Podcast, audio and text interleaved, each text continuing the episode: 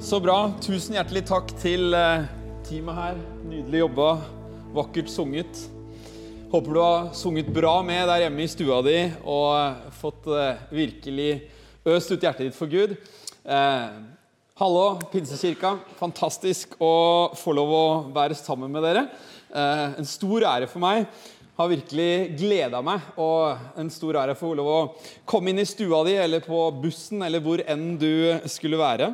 Eh, så håper jeg du kan eh, få maks ut av de neste minuttene vi skal ha sammen. Jeg har lyst til å starte med å si takk til Morten og Anette, som er deres gode pastorer.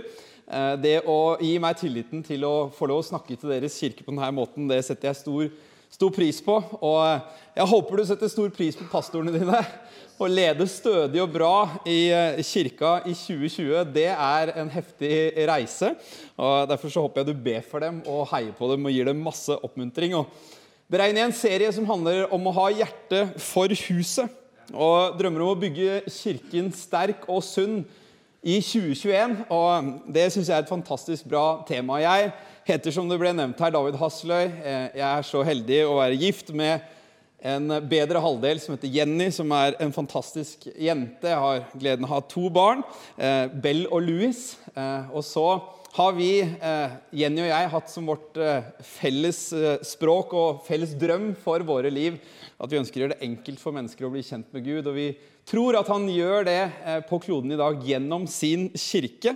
Og Derfor så er eh, temaet 'Hjerte for huset' eh, et perfekt tema for meg å snakke om fordi jeg elsker Guds hus og har så stor tro på kirka. Og gleder meg over det. Og tenker at pinsekirka har alltid vært noe som jeg har fulgt med på litt sånn på, på avstand og tenkt at her her er det noe bra. Eh, så jeg kommer til å komme litt mer inn på det også etter hvert. Og hvis du har noe å notere på der du sitter, så har jeg tenkt til i dag å snakke om en kirke som har mer enn nok. En kirke som har mer enn nok. Og veldig ofte når jeg taler, så pleier jeg å lese en tekst fra Bibelen, og så jeg, og så sier jeg noe ut fra det. I dag skal jeg hoppe rett i bønnen, men du skal få mye Bibel underveis her. Jeg vet at det er noe av temaet dette året, så jeg skal passe på det. Men la oss be. Takk, Jesus, for denne muligheten til å si noe ut ifra ditt ord.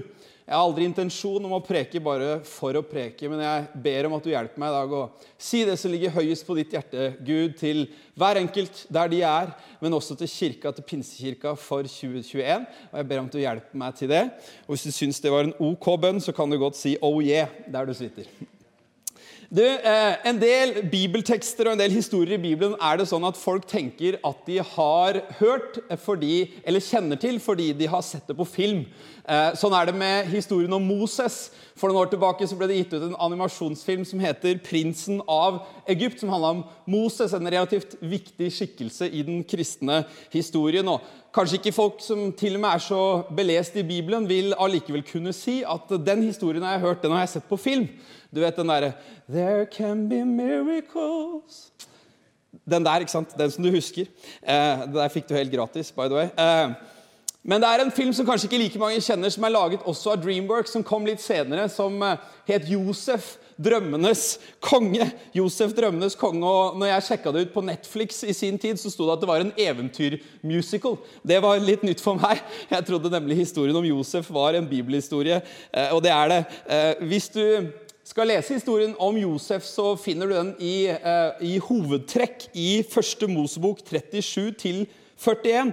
Og enten du ikke har lest eh, bibelhistorien eller sett filmen, så skal jeg prøve å ta deg litt raskt gjennom de kapitlene. Vi rekker ikke å lese hele den historien, men jeg skal gi deg en liten oppsummering. Eh, og hvis du har lest teksten og kjenner historien om Josef, så håper jeg at vi sammen i dag kan se hva historien om Josef kan lære oss om hvordan man kan bygge en kirke som har mer enn nok. Og hvis du leser i første Mosebok kapittel 37 så finner du historien om søskenflokken der Josef er en av tolv brødre. Og Faren Jakob han har gjort eh, Josef til en gullunge i den familien. Han er den som får velge lørdagsgodtet. Han er den som får lov å liksom, eh, sette tonen. Faren har til og med gitt han en sånn her designerkjortel som er mye mer fancy enn de andres kjortler. og Derfor så vil du legge merke til historien at gutta, de andre søsknene, de er allerede litt sånn irritert på Josef. De syns at han er litt for gullunge i farens øyne. Og som om det ikke er nok, så får Josef en drøm. Han drømmer bl.a. om at eh, han er et kornbånd, og brødrene hans er kornbånd, og de skal bøye seg for han, for han som en drøm fra Gud en natt han sover. Og eh, Da står det at når de fikk høre at han delte den drømmen med dem, så står det da hatet de han enda mer. Eh, og Det står det flere ganger i teksten. Jeg vet ikke hvordan du har det med søsknene dine, men, men, her er det ikke så veldig god stemning. Det står jevnlig at når han kommer med en ny drøm der budskapet er det samme, står det de hatet han enda mer. En dag så er brødrene ute og gjeter sauene til Jakob. Og Josef er jo ikke der, så klart, for han er jo gullungen. Men faren sender han ut for å se hvordan det går. Eh, og På avstand så ser brødrene at Josef kommer, eh, og de blir enige om at de skal drepe Josef. Det er en koselig søskenflokk, det der. Eh, men Ruben, en av brødrene, får litt dårlig samvittighet, så han sier nei, vi kan ikke drepe, det blir for drøyt. Vi putter han heller i en brønn uten vann. Fantastisk. Kjempehyggelig gjeng. Lang historie kort, så gjør de det. De kaster han i en brønn. Eh, men så kommer det noen eh, slavedrivere forbi, og brødrene blir enige om at det er en bra måte å bli kvitt Josef på. Vi selger han til de der. Så ødelegger de kjortelen til Josef og tar litt dyreblod på den osv. Og, og, eh, og, og sier til faren at Josef har blitt drept av dyr. og Nok en gang en kjempe, kjempegjeng, det der, ironisk sagt. Men han ender opp hos blir solgt av slavedriverne til en fyr som heter Potifar. Og eh, Potifar han er en rik businessmann. Han gjør det veldig bra.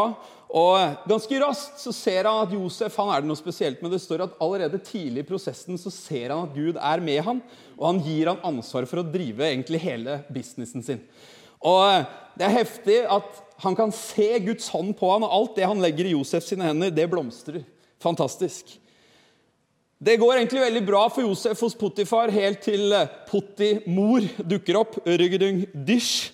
Potti-mor, Potifars kone, hun eh, liker Josef, syns han er så pen å se på at hun prøver seg jevnlig på å få han til sengs. Og Det blir så intenst, men eh, Josef han avslår ethvert tilbud. Selv om eh, kanskje det kunne gitt han nye muligheter, så velger han å ha integritet. og det som allikevel skjer, er at eh, en dag så prøver hun seg igjen, og Josef han løper av gårde. Men eh, han mister kjortelen sin, og eh, på denne måten så får Pottimor lagt skylda på Josef. Og falskt så sier hun at det er han som prøvde seg på meg, i stedet for det motsatte. Og Josef går fra å være på toppen og ha det veldig bra, til å havne i fengsel. Men det som er fascinerende med Josef, er at selv i fengsel er han trofast. Og selv i fengsel så tjener han Gud og mennesker med både guddommelige og praktiske, naturlige gaver. Det står at han har omsorg for de andre i fengselet. Og det er faktisk såpass at sjefen for fengselet gir Josef ansvar for å drifte fengselet. Jeg vet ikke hva som er vanlig i norske fengsler, men jeg er ganske sikker på at det ikke er vanlig å gi en fange ansvaret for å drifte. Men i fengsel så bryr Josef seg om de andre. Han kunne sittet i fengselet og vært selvmedlidende og vært lei seg og tenkt at jeg skulle jo bli en big deal, og her er jeg, hva er dealen, Gud? Men i stedet for så velger Josef å bry seg om å investere i disse gutta. To av de som sitter i fengsel, er, han ene har vært baker hos, kong, hos, hos farao, han andre har vært munnskjenk. og De får hver sin drøm. og Josef sier jeg kan tyde drømmer. Jeg kan ved Guds hjelp tyde drømmer. Og han tyder drømmene deres. Jeg kan ikke gå så dypt inn på hva han sier. Men eh, jeg kan si nok til at det gikk bra for han ene, og det gikk ikke fullt så bra for han andre. Vel, de sier wow, du må ha med Gud å gjøre. Hva kan vi gjøre tilbake? Josef sier jeg skal ikke ha noen ting for dette. Det her er Gud som har gjort. Men husk meg gjerne den dagen dere kommer tilbake til farao. Vel, det går to år. Og munnskjenken, som er den som det går best for av disse to, han glemmer Josef. Jeg vet ikke hvor eh, ofte du er frustrert på at Gud ikke svarer på bønnene dine med en gang. Men her sitter Josef nok en gang. To år til i fengsel. Det er eh, mange mange år siden han fikk drømmen Gud ga han. Og akkurat nå så ligner det ikke så mye på den drømmen Gud ga. Men etter to år så får farao noen rare drømmer. Da husker munnskjenken han der fyren fra fengselet som hadde med Gud å gjøre. Og han sier til farao jeg, jeg, tror jeg har en som kan tyde drømmene dine. Lang historie kort, så entrer Josef scenen. Han blir spurt av farao om å tyde noen drømmer. Farao har hatt noen rare drømmer, bl.a. en drøm om syv tjukke, solide kuer. Come on, somebody. Og syv magre kuer. Han skjønner ikke hva det betyr. Men Josef sier det står ikke til meg å tyde drømmen din, men jeg tror på Gud, og han kan tyde drømmen din. Og med Guds hjelp så tyder Josef drømmen og drømmene. Han sier at det som du får høre her, det er at i Egypt, som du er ruler over, så kommer det til å komme syv fantastiske år der det kommer til å ha i overflod, men så kommer det syv tøffe år. Men hvis du tar vare på overskuddet fra de syv første årene, så kommer du til å ha i overflod også i de syv magre årene. Det som skjer, er at eh, farao med en gang Nok en gang, på samme måte som Potifar, som sjefen i fengselet, så ser farao at han her har med Gud å gjøre. Så på stedet så ansetter farao han som landshøvding. Det var den øverste posisjonen etter farao. Og han gir Josef ansvar for å lede sitt folk, og han gir han et navn som heter Sofnat Panea. Det kan du notere deg bak øret. Han skjønner at han her er det Gud-faktor med. Og dealen er at det kommer syv fantastiske, solide år. Men så kommer det syv magre år. Det blir som Gud talte til Josef om å tyde drømmen for farao. Og når hele verden er i hungersnød, så kommer folk til Egypt. Og da står det i første Mosebok, kapittel 41, vers 55 57 Da folket begynte å sulte, så ropte de til farao etter brød. Og farao sa til alle egypterne, gå til Josef. Det han sier dere, det skal dere gjøre. Og hungersnøden bredte seg utover jorden. Da åpnet Josef alle kornlagerne og solgte til egypterne, for hungersnøden var hard i landet Egypt. Og fra alle land kom det folk til Egypt for å kjøpe korn hos Josef. For hungersnøden var stor, ikke bare i Egypt, men over hele verden. Pga. den guddommelige visdommen til Josef så har han og Egypt i overflod når alle andre er i hungersnød. La meg bruke denne historien, denne teksten som et utgangspunkt for noen punkter om hvordan kirka kan få lov å være et sted som har i overflod når alle andre mangler. Høres det bra ut? Er du klar for det? Så hvordan bygges en kirke som har mer enn nok? Jeg har noen punkter til deg om det, så håper du har notatblokka klar. En kirke som har mer enn nok, den bygges når vi ser med Guds briller på det som ligger foran. Du kanskje spør har Gud briller. Ja, vel, i denne prekena så har han det. Hva mener jeg med det? Jo, det handler om at vi mennesker vi har en evne til å se med våre fysiske øyne. Men hvis du leser Bibelen, så ser du at både Josef og i andre settinger så gir Gud troende mennesker evne til å ikke bare se med de fysiske øynene, men med hjerters øyne, står det i Bibelen. Troens øye, som vi, i, som vi synger i den vakre salmen. X-faktoren i Josef sitt liv det var at han hadde evne til å noen ganger lukke de fysiske øynene sine og gjennom drømmer og på ulikt vis gjennom sin gudsrelasjon se med øynene, få visjoner fra Gud. Og det er noe med at han både fikk se en livsvisjon i en alder av 17 år om at han en dag skulle ha innflytelse som var langt større enn det han hadde i søskenflokken. Og Han eh, får gjennom å tyde drømmen til farao se hvordan de kan få lov å bli en redning for den hele daværende verden. Han hadde evne til å se med sine hjerters øyne. Takk Gud for at også i Pinsekirken i Sandvika så har Gud satt ledere og mennesker som har hatt evne til å se med sine hjerters øyne, og ikke bare med de fysiske øynene. Jeg hadde gleden av ta en matbit med Morten før samlinga her i dag. og Vi snakka om reisen til Pinsekirken. Han fortalte om hvordan Tom, hans far, faktisk opplevde at Gud åpna hans øyne på, tids, på, et tidspunkt da denne kirka var en mye mindre forsamling. Og Han begynte å se drømmen om en betydningsfull kirke som skulle ha innflytelse. Han så her inne før han så her ute. Det var det som også var gaven til Josef. Det var å se med hjerters øyne, og ikke bare med sine fysiske øyne. Jeg hørte Morten tale her forrige søndag om en, en kirke etter den bibelske modell som fordi den er sunn og bygger på bibelske prinsipper og har Jesus som sentrum, har så den kan bli en innflytelse for byen og stedet. Jeg lar meg oppmuntre Pinsekirken til å fortsette å lokke sine øyne og se med sine hjerters øyne. Paulus sier derfor mister vi ikke motet. For selv om vårt ytre menneske går til grunne, så blir vårt indre menneske fornyet dag for dag. Og I slutten av versene i 2. Korinterbrev 4, vers 16-18 så står det vi, ser ikke, vi har ikke det synlige for øyet, men det usynlige. Det er Guds hjelp. Punkt nummer to. En kirke som har mer enn nok, den bygges når man har tro mot det bildet Gud har vist. Ikke bare med en gang det blir vist deg, men over tid. Er det ikke finurlig at Gud har en tendens til å gi oss visjoner og drømmer, men han sier ikke alltid noe om veien dit? Han sier ikke alltid noe om alle utfordringene vi kommer til å møte på veien mot at visjonen går i oppfyllelse.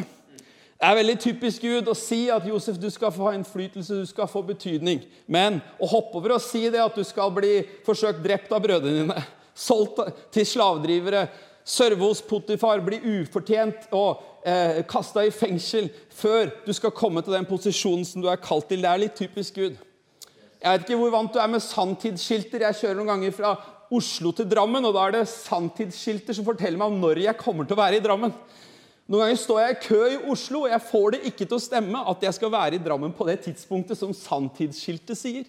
Men på en konspirasjonsteoretisk syk måte så veit de folka når jeg skal være der. Selv om køen rett foran meg ikke stemmer overens, så kommer jeg dit på rett tidspunkt ifølge sanntidsskiltene. Sånn er ofte også med Gud. Kanskje du akkurat nå kjenner at du facer utfordringer som gjør at det der Gud viste deg i hjertet, får du ikke helt til å gå i hop hvordan det skal skje. Vel, hold fast ved den visjonen, ikke bare når du får den, men over tid. Bibelen sier i profeten Habakuk kapittel 2 og vers 2-3.: Skriv synet opp og skriv det tydelig på tavlene, så det er lett å lese det. For synet Ennå må synet vente på sin tid, men det haster mot enden og lyver ikke. Om det drøyer, så vent på det, for komme skal det. Det skal ikke utebli. Så hva gjør du når det ikke stemmer overens med det du så her inne? Hold fast på visjonen og fortsett å gå i tråd med det Gud har vist deg, selv om det ikke stemmer alltid med det du ser med dine fysiske øyne. Punkt nummer tre. Henger du med? En kirke som har mer enn nok, den bygges når vi ved Guds nåde lever med integritet og karakter i alle sesonger. Grunnen til at Josef fullførte løpet, det var at han ved Guds hjelp evna å ha integritet og karakter når han ikke var i spotlighten. Når Potimor prøvde seg på ham, så sier han at jeg kan for det første ikke synde mot han Potifar, som har gitt meg alle muligheter. Men først og fremst, sier Josef, så kan jeg ikke synde mot Gud. Du skjønner, Det handler om at når Gud skal sette oss til større ting, når vi skal få gjøre større ting, så trenger han noen ganger å se hva fins av karakter her som gjør at du har evne til å stå der når du møter Når, når du skal få den plattforma jeg ønsker å gi deg. Ved Guds nåde. En eh, nydelig lovsang fra Hillsong Church sier In the moment of my weakness you give me grace to do your will. Du gir meg nåde til å gjøre det som er din vilje. Derfor er det ikke vi som er hjørnesteinen i kirka, som Morten så nydelig talte om forrige uke. Det er Jesus som er hjørnesteinen, og vi bygger våre liv på han. Det er han som gjør at svake blir sterke, og at vi kan fullføre med integritet og karakter, ikke fordi vi er så fortreffelige, men fordi vi har gitt våre liv til han og ber om hans hjelp. Punkt nummer fire. En kirke som har mer enn nok, den bygges med høy hvorfor-faktor og med blikket på framtida. For Josef sin guddommelige visdom og innsikt gjorde at i Egypt hadde de ikke bare nok her og nå, men de hadde nok for neste generasjon. Jeg er overbevist om at mye av det jeg har fått leve i som en kristen, kommer som en konsekvens av hva min mormor satt i stua si i en voksen alder og ba om. Hun hadde ikke mye fysisk eh, styrke igjen, men hun ba til Gud. Og jeg er overbevist om at mange av de tingene hun ba om i den stua, får jeg erfare i dag. Fordi hun hadde ikke bare blikket på her og nå i sitt eget liv, men hun så neste generasjon. Så når du tjener i kirka, når du åpner hjemmet ditt til en smågruppe, eller åpner Zoom-vinduet ditt til en online eh, Connect-gruppe eller Life-gruppe, så husk at du ikke bare gjør det for her og nå, men du gjør det for neste generasjon. Det fins flere generasjoner i dette her rommet her bare, som er i produksjonsteamet og i teamet her. Jeg vet at eh, senior Gulbrandsen har valgt å investere i denne kirka, sånn at junior Gulbrandsen får lov å se konsekvensen av det. Jeg håper at neste generasjon kan se at vi ikke bare tenkte på oss sjøl, men vi forsto at det vi gjør i dag, det setter opp kirka i framtida til å ha mer enn nok. Er du med på det? Punkt nummer fem. En kirke som har mer enn nok. Den bygges når vi lener oss på Gud som kilde og er bevisst vår avhengighet av ham. Det er fascinerende at i Potifars hus, i fengsel hos farao, så peker ikke Josef på seg sjøl, men han gjør det synlig for alle han server, at ikke han i sin egen kraft som gjør det han gjør, men Gud er med han. Jeg digger det med denne her kirka er at noe jeg har lagt merke til med, Pinsekirka helt siden jeg var relativt ung oppdaga denne menigheten, det var gudsnærværet som fantes. Det var det at i til og med i visjonen deres så står det om å være gjenkjent ved Guds kraft og Guds nærvær. Det er noe med dere som gjør at folk blir ikke først og fremst imponert over dere, men de forstår at her fins det noe mer. Du skjønner, Det er drømmen vår. Det er da kirka har mer enn nok. Når vi for, forstår at vi er ikke sentrert rundt oss. Fordi når vi ser på oss mennesker, så mangler vi alltid noe. Men når vi ser på Gud og forstår at han er kilden, da har vi alltid mer enn nok. Josef sa til farao, 'Det står ikke til meg, det er Gud som skal gi et svar.' Og igjen og igjen så ser vi at han peker på Gud. Og det er det som er styrken i en kirke som har mer enn nok. Det skal skje signifikante ting i denne tida i Guds menighet i Norge. Ikke fordi vi er sentrum, men når vi forstår at det er Han som er kilden det er han vi er avhengig av for å ha mer enn nok. Og helt til slutt, da. Dere kan eh, komme og spille litt i bakgrunnen her, for nå nærmer vi oss avslutningen. En kirke som har mer enn nok, den bygges når vi forstår at vi er velsignet for å være en velsignelse. Det står altså i 1. Mosbok kapittel 41 og vers 55, som vi også leste i stad, at da folket i Egypt begynte å sulte, så ropte de til farao etter brød, og farao sa til alle, 'Gå til Josef.' Han har svar. Gå til Josef. Drømmen min, drømmen vår, drømmen for kirka i Norge. Tenk om folk skulle si, tenk om politikere i Sandvika skulle si, 'Gå til PK'. De er ikke perfekte, men det virker som de har svar når alle andre mangler. Ja, men vi har masse tenåringer i Sandvika som sliter med å finne ut identiteten sin og hvor de er på vei, og hva som er meninga med livet. Vi har fortalt en generasjon lenge nok at det fins ingen framtid for dem. Tenk om politikerne skulle si gå til PK. Der forteller de tenåringene at det fins en Gud som elsker dem, som har en plan for dem, som har en framtid for dem, selv om alt annet virker håpløst. Tenk om folk skulle si i ditt nabolag at gå til Duborg-familien. Vi kjenner dem, og de er ikke perfekte, men det virker som de har noe i sin familie som de er samla rundt, som gjør at de har i overflod når familiene rundt merker at de mangler noe. Hva om kirka skulle få bli et sånt sted, slik Egypt ble for hele verden? Et sted der mennesker kunne komme og få i en sesong der alle andre mangler. òg. det kunne vel ikke passe bedre å snakke om det i en sesong vi har vært igjennom nå og er i med korona. Der så mange snakker om psykisk helse, så mange snakker om alle utfordringer. Tenk om byene våre skulle si 'gå til den der kirka'.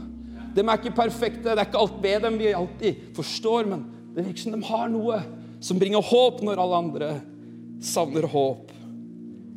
Det virker som denne PK-kirka ikke bare har det i det å be for mennesker, men det er også til å møte både praktiske og åndelige behov. Helt til slutt så nevnte jeg i stad at farao ga Josef et nytt navn når han ble landshøvding. Han kalte han for Sofnat Paneao. Jeg sjekka bare raskt hva det betyr, og det betyr verdens frelser. Og På den måten så er historien om Josef et forbilde på han som skulle komme noen år seinere. Hans navn er Jesus Kristus, og han er den som har når alle andre mangler. Noen ganger så kommer vi som mennesker til kort, og jeg er her for å si La oss få lov først og fremst å absolutt være en kirke som sier 'kom til oss', men som først og fremst forstår at vi kan peke mennesker i retning av Jesus Kristus, han som har håp når du mangler håp. Han som har fred når du mangler fred. Han som har å gi når hele verden mangler en framtid av håp.